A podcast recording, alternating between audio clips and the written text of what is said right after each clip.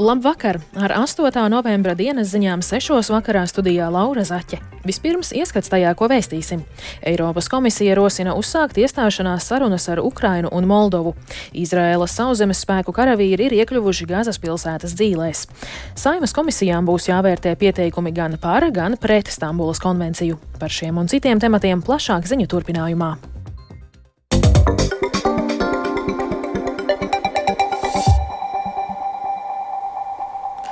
Eiropas komisija rosina uzsākt iestāšanās sarunas Eiropas Savienībā ar Ukrainu un Moldovu. Savukārt ar Bosniju un Hercegovinu iestāšanās sarunas varētu sākt pēc vairāku reformu izpildes. Gruzijai vēl ir jāveic vairākas reformas, tomēr ieteikts piešķirt kandidātu valsts statusu, jo vairums tās iedzīvotāju vēlas pievienoties Eiropas Savienībai. Tomēr galīgo lēmumu par šiem jautājumiem vēl ir jāpieņem dalību valstu līderiem decembrī gaidāmajā samitā.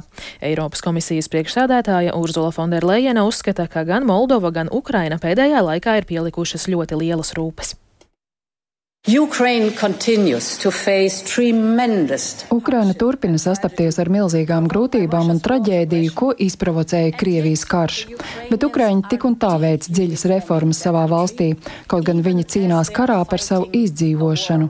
Savukārt Moldova sastopas nevis ar tradicionālu karu, bet gan ar nemitīgiem mēģinājumiem destabilizēt tās demokrātiju. Tā cieš arī no Ukrainas kara sekām. Bet gluži kā Ukraina, arī Moldova ir veikusi ievērojamas reformas. Vēsturisks ziņojums, atvieglojums un prieks. Tā Ukrainā vērtē Eiropas komisijas novērtējumu par Ukrainas progresu virzībā uz iestāšanos Eiropas Savienībā. Ukrainai bija izvirzīti septiņi ieteikumi - īstenot konstitucionālo un tiesu reformu, stiprināt cīņu korupcijas apkarošanā, veikt pasākumus naudas atmazgāšanas novēršanā, mazināt oligārhu varu un arī pielāgoties Eiropas izpratnē mediju regulācijas un mazākumtautību jautājumos. Korupcijas apkarošanā un mazākumtautību aizsardzībā gan Eiropas komisija sagaida lielāku progresu. Tomēr prezidents Volodimirs Zelenskis Eiropadomes sanāksmē decembra vidū sagaida lēmumu par iestāšanās sarunu sākšanu. Українці завжди були і є частиною. Ukraiņi vienmēr ir bijuši un ir daļa no mūsu Eiropas kopējās ģimenes. Mūsu valstī ir jābūt Eiropas Savienībā. Ukraiņi to ir pelnījuši gan aizstāvot Eiropas vērtības, gan to, ka pat pilna apmēra kara laikā mēs turam savu vārdu un attīstam valsts institūcijas. Visi nepieciešamie lēmumi tiek pieņemti. Всі необхідні рішення ухвалюємо. Izraēla paziņojusi, ka tās sauszemes spēku karavīri ir iekļuvuši Gazas pilsētas dzīvēs un izdara lielu spiedienu uz tur esošajiem islāmistu grupējuma Hamas teroristiem. Arī Izraēlas aizsardzības ministrs Joavs Galants norādījis, ka armija ir nonākusi pilsētas sirdī. אנחנו נמצאים, כוחות צה"ל, Mēs atrodamies Gazas pilsētas sirdī ar Izraēlas armijas karaspēku. Karaspēks tur ienāca no ziemeļiem un dienvidiem. Uzbrukums notika koordinējoties sauszemes spēkiem, gaisa spēkiem un flotei. Lai gan spiediens uz Izraēlu par kara pārtraukšanu pieauga, Izraēlas premjerministrs Benjamins Netanjahu atkārtoti noraidījis, ka šobrīd iespējams pamiers. Par to varēšot runāt vienīgi tad, kad tiks atbrīvoti visi Hamas sagrābtie ķilnieki.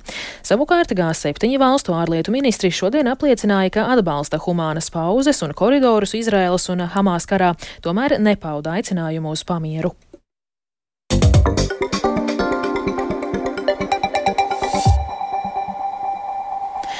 Lai runātu par apzinātiem un atbildīgiem pirkumiem, ņemot vērā Krievijas iebrukumu Ukrainā, šodien eksperti diskusijā ētiskas patēriņa izvēles, nauda vai sirdsapziņa sprieda par to, vai un kā iedzīvotāji seko līdzi tam, kādus uzņēmumus atbalstam pērkot preces vai pakalpojumus.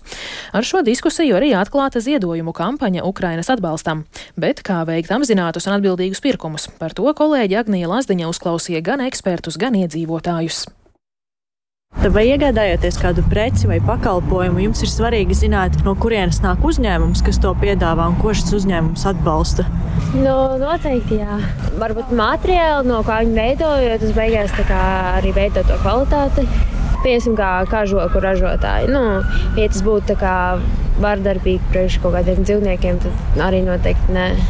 Es to skatos. Man ir arī ļoti svarīgi, pieņemsim, pārtikas produktiem vairāk, lai viņi būtu bioloģiski. Es teiktu, ka jā, tas ir svarīgi, no kurienes nāk. Kādā mērā, jā.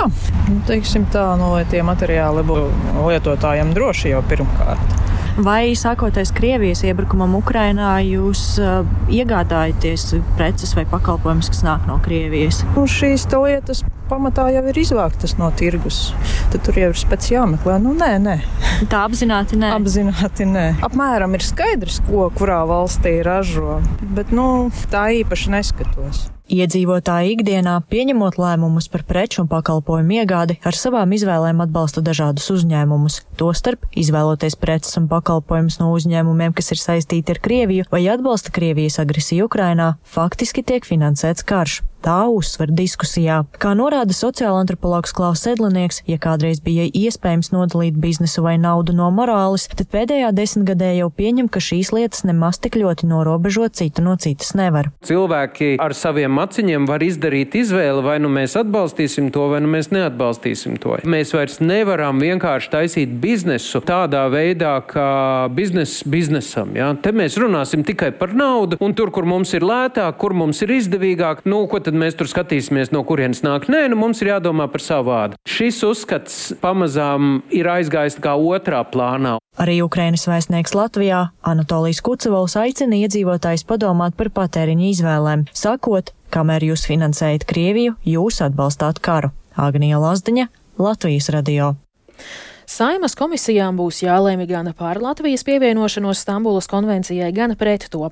Pašreizējā koalīcija apņēmās konvenciju cīņai ar vardarbību pret sievietēm un pret vardarbību ģimenē ratificēt saimā, bet konvencijas pretinieki vairāk kārtīgi centušies panākt tās izņemšanu no dienas kārtības. Par to vairāk Jāņa Kīņša sagatavotajā ierakstā. Šovasar Saima vienreiz jau skatīja kolektīvo iesniegumu par Latvijas nepievienošanos Stambulas konvencijai. Ārlietu komisija to lēma virzīt apstiprināšanai Saimā, taču ar koalīcijas balsu vairākumu to noraidīja. Pašlaik līdzvērtīgu iesniegumu Saimas mandāta komisijas vairākums lēma virzīt skatīšanai Sociālo un darba lietu komisijā. Šis jau ir atkārtots process, tāpēc vēlreiz klāstīt argumentus ir lieki, un tos vajadzētu noskaidrot referendumā, uzskata iniciatīvas iesniedzējs Andris Šimfs. Pirms tautai nepaceļamā referenduma sliekšņa 150 tūkstošu parakstu apmērā noteikšanas šīs iniciatīvas lielais atbalsts jau būtu pamats referendumam. Mana iekšējā balss saka, arī lielākās tautas daļas pārliecība ir tā, ka šie jautājumi būtu lemjami tautas nobalsošanā, ka Latvijas republikā demokrātija ir vērtība, nevis tukša skaņa kam ausis dzirdēšanai tas dzirdēja, kam galva saprašanai tas saprata, un kam ir sirdsapziņa, nu jūs jau paši zināt. Valdība jau atbalstīja lēmumu projektu virzību uz saimu par Stambulas konvencijas ratificēšanas viedokli par labu šādai rīcībai atkārtoja Labklājības ministrijas vecākā eksperta dzimumu līdztiesības jautājumos Agnese Gaile. Šī konvencija ir un runā vienīgi par to, kā novērst vardarbību ģimenē un vardarbību pret sievieti. Līdz ar Stambulas konvenciju valdība virzīja arī deklarāciju par tā saucamā sociālā sociālā dzimuma definīcija, kas ietverta šajā dokumentā. Tas darīs, lai atspēkot arī gadiem atkārtotos mītus. Šī termina piesaukšana norādīta vienīgi saistībā ar cilvēku sociālo lomu, uzvedības, nodarbošanos un īpašību kopumu gan sievietēm, gan vīriešiem. Saimā gan saglabājas ļoti atšķirīgi redzējumi par Stambulas konvenciju, turpina Raivs Dzinters no Nacionālās apvienības. Par katru cenu, ignorējot uh, sabiedrības noskaņojumu, sabiedrības noskaņojumu lielā mērā mēs varam mērīt arī pēc šīm jau atkārtotajām iniciatīvām. Manuprāt, manuprāt, tur pēc pēcgaršā nevajadzētu būt, eh, būt labai arī institīvas atbalstītājiem. Paredzēts, ka valdības virzīto likumprojektu par Stambuls konvencijas ratificēšanu saima ceturtdien nodos skatīšanai ārlietu komisijā Jānis Kincis, Latvijas radio. Pirms nedēļas Latvijas izglītības darbinieku arotbiedrība brīdināja par Rēzeknes pašvaldības apstiprināto kārtību mērķu dotācijas sadalē pedagoģu atalgojumam, norādot, ka tā ir pretrunā ar valdības noteikto un pasliktina nodarbinātības apstākļus Rēzeknes pedagogiem. Jautājuma risināšanā iesaistījās gan valsts darba inspekcija, gan izglītības un zinātnes ministrija, gan arī vides aizsardzības un reģionālās attīstības ministrija. Plašāk situāciju skaidro Madara Bērtiņa. No šī mācību gada valstī noteiktā slodze pedagogiem ir 36 darba stundas nedēļā. Pēc ministru kabineta noteikumiem tai jāsastāv no 24 kontaktstundām, savukārt 12 jāatvēl, lai sagatavotos stundām. Taču Rēzeknas valstspilsētas doma izdeva savu kārtību, nosakot līdz pat 5 kontaktstundām vairāk. Gan Līsda, gan Izglītības un zinātnes ministrija jau augustā rakstīja skaidrojošas vēstules Rēzeknes izglītības pārvaldei, taču pašvaldība tās nav ņēmusi vērā tiek pārkāpti normatīvi akti. Tad jau jautājums, kāpēc tie normatīvi akti mums ir, kāpēc ir ministru kabineta noteikumi, ja tos neievēro. Tuvākajā domes sēdē plānots koriģēt šo kārtību, svītrojot ārā strīdīgo punktu, tādā veidā galavārdu par pedagoģu slodzes sadalījumu atstājot izglītības iestāžu vadītāju un pašu pedagoģu rokās, kā to arī nosaka noteikumi. Tikmēr arī vairākām citām Latvijas radio uzrunātajām pašvaldībām ir problēma nodrošināt izglītības un zinātnes ministrijas šā mācību gada sākumā ieviesto vēlamo darba slodzes sadalījumu, kur nemazāk kā 35% paredzēti pārējo pienākumu veikšanai. Uzrunātie izglītības darbinieki Reizeknē atzīst, ka pietrūkst skaidrības, kā veidojas viņu alga, kā arī uztrauc tas, ka joprojām nav līdz galam sakārtots jautājums par slodzes sadalījumu. Madre Bērtiņa Latvijas radio studija Latgalē.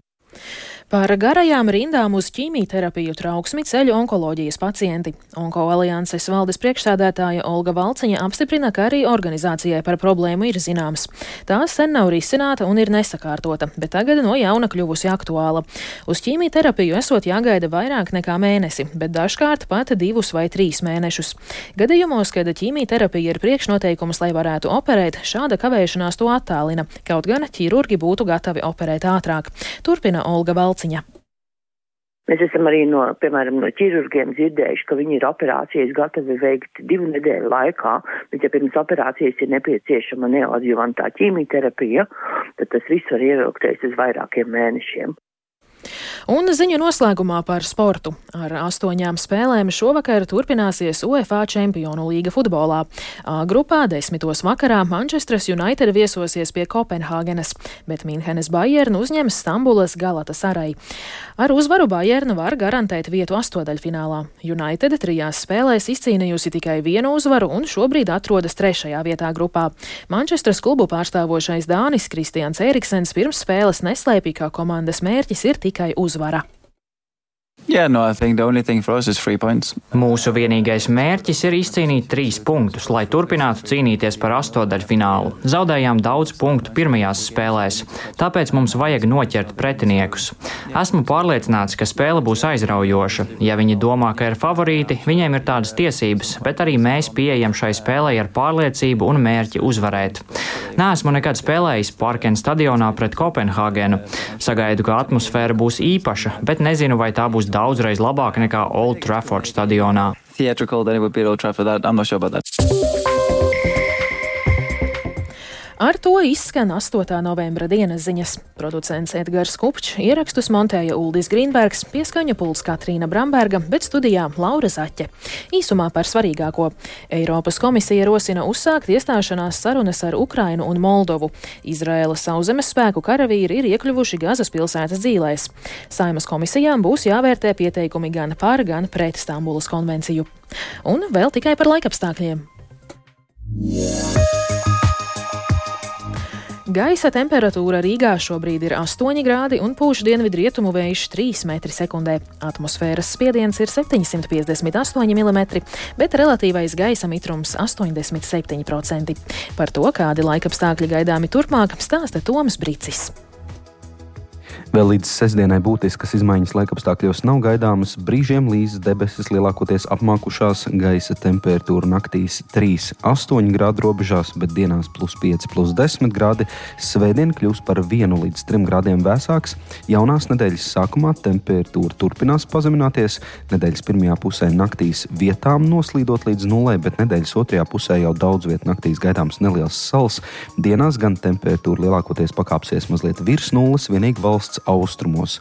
Nedēļas otrajā pusē arī dienās tā būs tuvu nulē. Nokrišņu maz, bet iespējama neliela snikšana un dažās Latvijas daļās var izveidoties plāna sniega kārtiņa.